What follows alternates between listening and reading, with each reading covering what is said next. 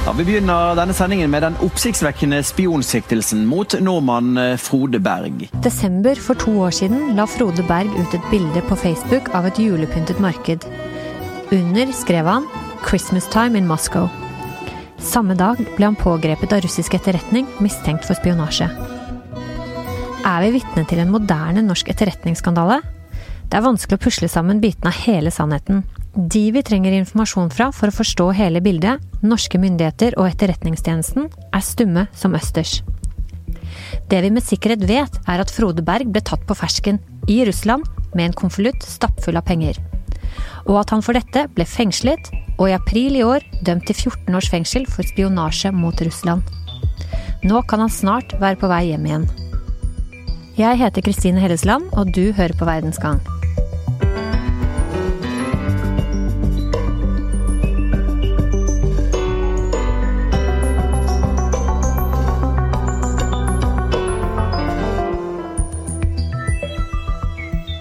Det er ikke overraskende at Norge driver med spionasje mot andre land. At vi er nysgjerrig på hva som foregår bak grensen der oppe i nordøst, bør heller ikke overraske noen.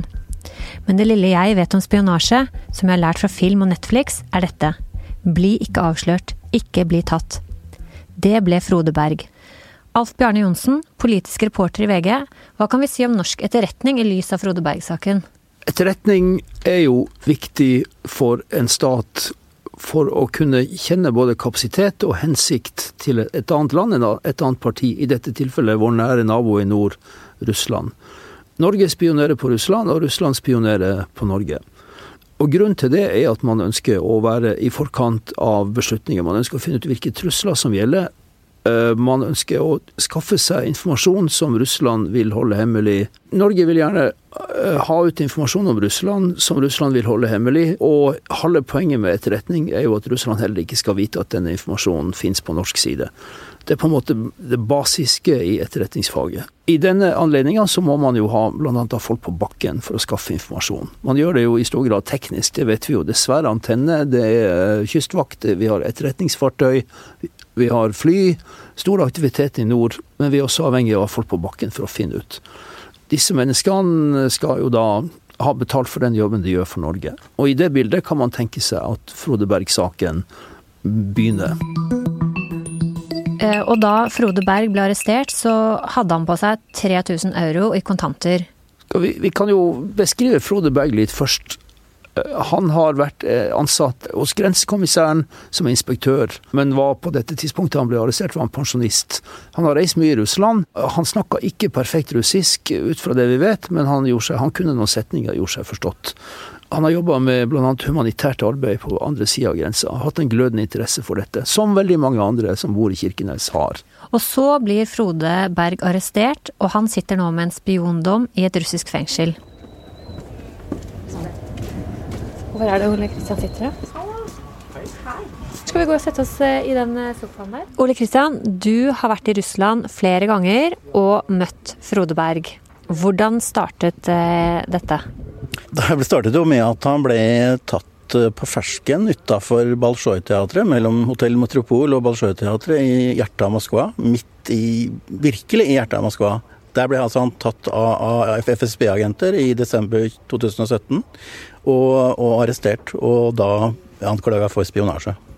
Og hva er det russerne sier at han har gjort? Hva er det de anklager han for den første dagen? Han, han blir jo anklaga for å ha formidla informasjon og penger for norsk etterretning. De sier jo da at han har hatt kontakt med en ansatt ved et eh, skipsverft i Severodvinsk, som er et veldig viktig sted når det gjelder å bygge atomubåter. Og atomubåter er jo på mange måter eh, diamanten av, det russiske forsvaret. Og, og, Russland vil jo gjerne framstå som en veldig sterk eh, militærmakt under Vladimir Putin. Og hvorfor er det viktig for norsk etterretning da, å ha koll på den russiske ubåtbasen? Nei, Det kan jo f.eks. være hvilke, hvor stor kapasitet har de, hvor lenge kan de ligge under vann, hvor mange er det som er operative akkurat for tida, hvor mange er det som er inne til reparasjon f.eks., og hvor befinner de russiske ubåtene seg f.eks. Og hva sier Frode Berg selv? I starten så benekta han jo det. Det er uvirkelig. Det er er beskyldt for noe som jeg ikke har gjort. Jeg har ikke anelse når jeg kom til Moskva 4.12. Skulle bare på som julegavehandel og besøke noen venner. Det kom helt brått. Fortsatt Det er det like uvirkelig for meg. Etter hvert så kom det jo da Forandra han for, forklaring og, og, sa at han hadde jobba for norsk etterretning, men ikke som spion. Han innrømmer aldri å ha vært spion, men han sier at han har vært en kurer med penger og muligens og noen minnepinner med informasjon. Ja, Så han har fungert som en slags løpegutt da, for, eh, for de litt over han, kan man si det på den måten? Det kan du helt sikkert si, fordi han visste sikkert ikke Altså, det her er jo sikkert en del av en større operasjon som han er en bitte liten brikke av, vil jeg anta. Og han vet selvfølgelig ikke hva, hvor, hvordan den operasjonen egentlig er. Eh, hvor lang tid tar det fra han først blir pågrepet, til han blir dømt? Hva skjer i denne perioden? Eh, det, det går jo ca. halvannet år fra han blir pågrepet, som sagt, i hjertet av Moskva, til han blir dømt i, i byretten i Moskva den 16. april i år. Eh, han det er jo da fengslingsmøter ca. annenhver måned den tida, hvor han hele tida blir varetektsfengsla på nytt. Og etter russisk lov så kan du være varetektsfengsla i to år før det eventuelt blir en rettssak, men han fikk altså rettssak etter halvannet år. Han sitter i Lefortov-fengselet i Moskva, i byen Moskva, ligger ganske sentralt i Moskva.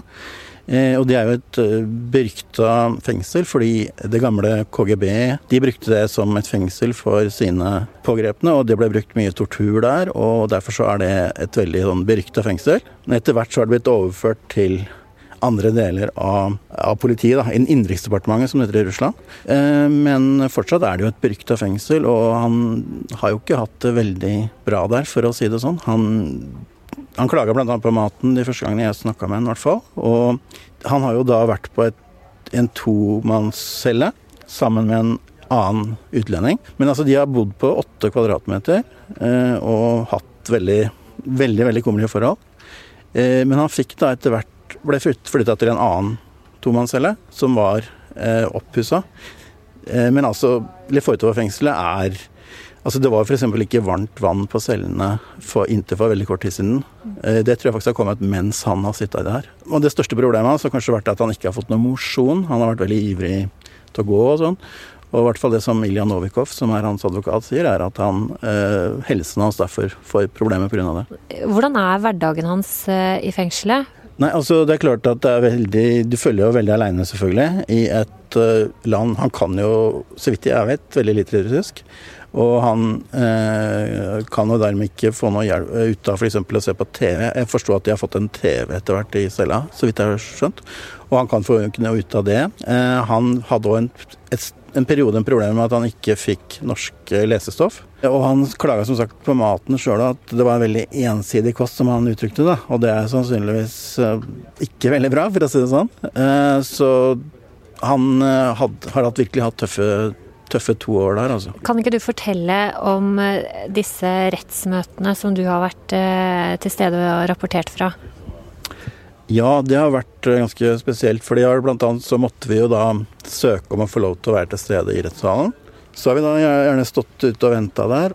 Han har jo stort sett kommet i en, i en slags svarebil til rettslokalet og blitt hatt eh, håndjern, og maskerte menn har eh, ført den inn i selve rettssalen. Nei, det, gjør det gjør et veldig sterkt inntrykk å se han når han kommer der eh, inn til fengslingsmøtet. Gråhåra, liten i, med håndjern. Litt gusten i huden kanskje, fordi han får jo veldig lite kontakt med, med dagslyset. og er, jeg er ganske imponert av at han faktisk har fiksa det så godt som han har gjort. Har du fått noe inntrykk av hva Frode Berg selv syns har vært vanskeligst med å sitte i fengsel i disse årene? Nei, men det er ganske enkelt å tenke seg. Altså, når du sitter på åtte kvadratmeter sammen med en person, annen person i et land du ikke kan språket, i et land du er da anklaga for spionasje, og i et land der du blir dømt til 14 års fengsel, som jo er vanvittig mye. Det som har vært ekstra vanskelig for ham, tror jeg, det siste året kanskje er det at det har gått saktere enn det han trodde. I april 2018 blir det første gang kjent at Berg har endret forklaring og skal ha innrømmet at han jobbet for norsk etterretning. Blir du trua eller pressa til å gjøre disse Ikke, ikke trua, nei. Hva har du lyst til å si til Etterretningstjenesten i Oslo? Hva skal de gjøre nå med deg? Hva, hva slags ansvar bør de føle? Det, det sier jeg ikke, men de må i hvert fall ta ansvar. Og mens Frode Berg sitter i russisk fengsel, så skal han ha innrømmet og vært på oppdrag fra den norske stat, og at han forventer at norsk E-tjeneste nå må redde han, nå som oppdraget gikk skeis. Eller er det sånn at avtalen er du gjør dette for oss, men vit, blir du tatt, så er du alene? Det er et veldig godt spørsmål, og dette vet vi lite av. Men det vi kan tenke oss, er at flere spioner, eller forsøk på spionasje blir avslørt enn de som kommer til overflata, som blir kunngjort uh, offentlig. Det som kan skje, er jo at uh, ambassaden kan få et klapp på skuldra med beskjed om at han og han uh, Vi vet hva de holder på med, og vedkommende bør forlate Norge innen 48 timer. I dette tilfellet her så blir, det, blir jo Frode Berg arrestert i en ganske høyprofilert uh, aksjon. Og da kan man jo tenke seg at Russland gjerne vil vise fram at de har avslørt en norsk spion. At det passer inn i et bilde de ønsker å tegne. De ønsker å ja, anført fornedre norske myndigheter og norsk E-tjeneste. Se hvor amatørmessige de er. De lar seg, de opererer med eh, folk som har jobba på grensen, og de er bare å plukke ned lett. Så når det blir kjent i april 2018, det er jo da advokatene til Frode Berg bekrefter overfor norske medier at Frode Berg har kommet med en tilståelse. Dette gjør jo egentlig situasjonen enda mer beklemt og kanskje pinlig for norsk etterretning, for de kan jo aldri bekrefte dette. De må beskytte sine nåværende kontakter av Russland, de som fortsatt er aktive da. For man må jo anta at E-tjenesten har flere på bakken som gir informasjon.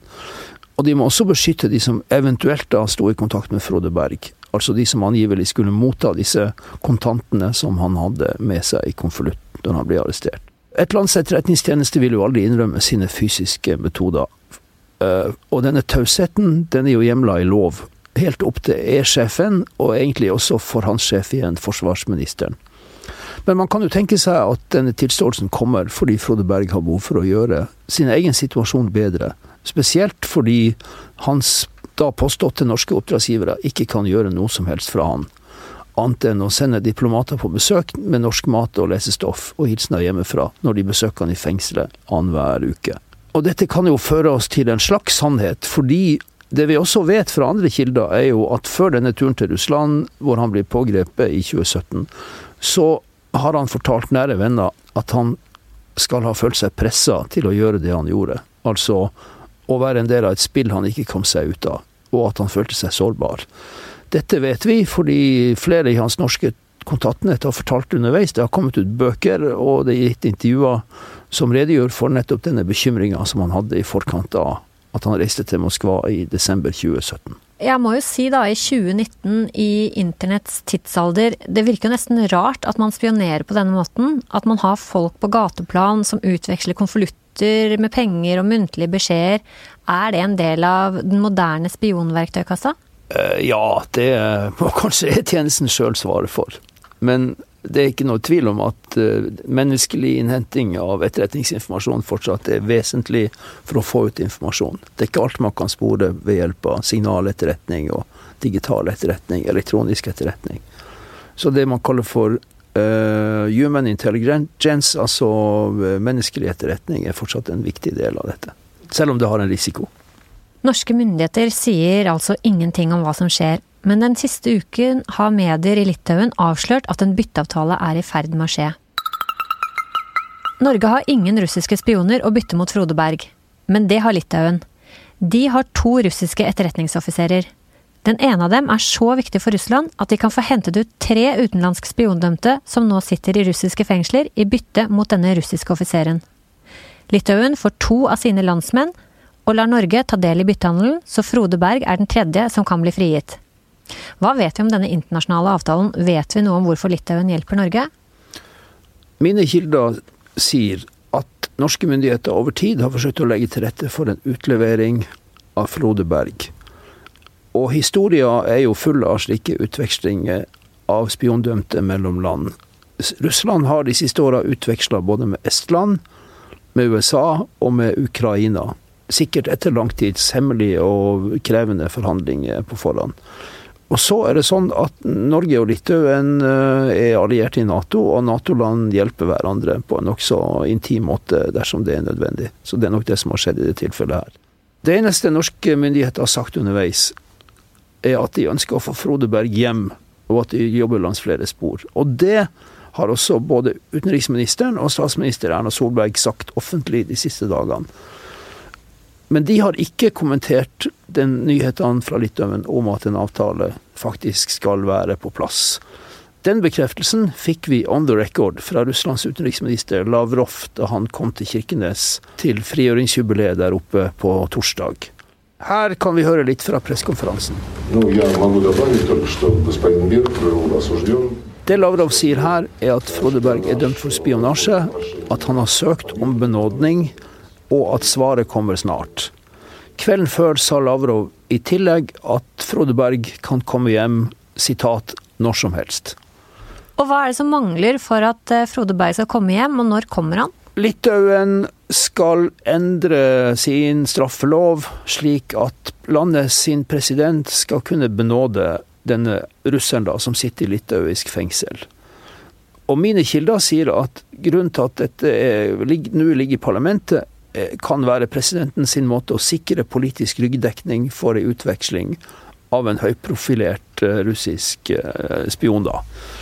Parlamentet er venta å vedta denne lovendringa endelig 7.11., altså neste torsdag. På russisk side er det sånn, da ifølge Lavrov, det Lavrov sa, som vi hørte, at president Putin personlig må gjøre den endelige benådninga før han kan utleveres. Så en rekke politiske prosesser både på russisk og litauisk side må altså falle på plass før Frode Berg kan sendes hjem. Og når han eh, kommer tilbake til norsk jord, hvordan blir han da tatt imot av det offentlige Norge? Jeg kom ned fra Kirkenes i går, og på torvet i Kirkenes der henger et banner hvor det står 'Hjelp Frode Berg hjem'. Og jeg er helt sikker på at det banneret har de veldig lyst til å ta ned. Det er liksom sånn check, uh, mission accomplished, så snart de bare kan. Og det kan skje om få dager, dager eller uker. Hvordan dette vil være seremonielt og offisielt, det vet vi faktisk ingenting om akkurat nå. Men, sitter, men familien hans i Kirkenes lengter veldig, og Kirkenes-samfunnet lengter veldig på at han skal komme tilbake, og er helt sikker på at de kommer til å gjøre stor stas på han når han kommer hjem. Hvorvidt han er med på den stasen, det gjenstår å se. Men før det så må jo denne utvekslinga finne sted. Vi vet ikke hvordan denne fysiske utvekslinga skal skje, men den har tidligere skjedd på en veldig symbolsk måte, og med media til stede, hvor man kan se de utveksla går mot hverandre og kommer hjem til sitt eget territorium. Russland og Litauen har ikke direkte felles grense, men Russland eier en enklave ut mot Østersjøen, Kaliningrad. Og ytterst på grensen mellom Kaliningrad og Litauen, der ligger det en slags bevegelig sanddyne. Så man kan jo tenke seg at eh, denne spionutvekslinga vil skje ytterst på denne sanddyna. Det vil jo være nesten som en scene i en film. Takk, Alf Bjarne.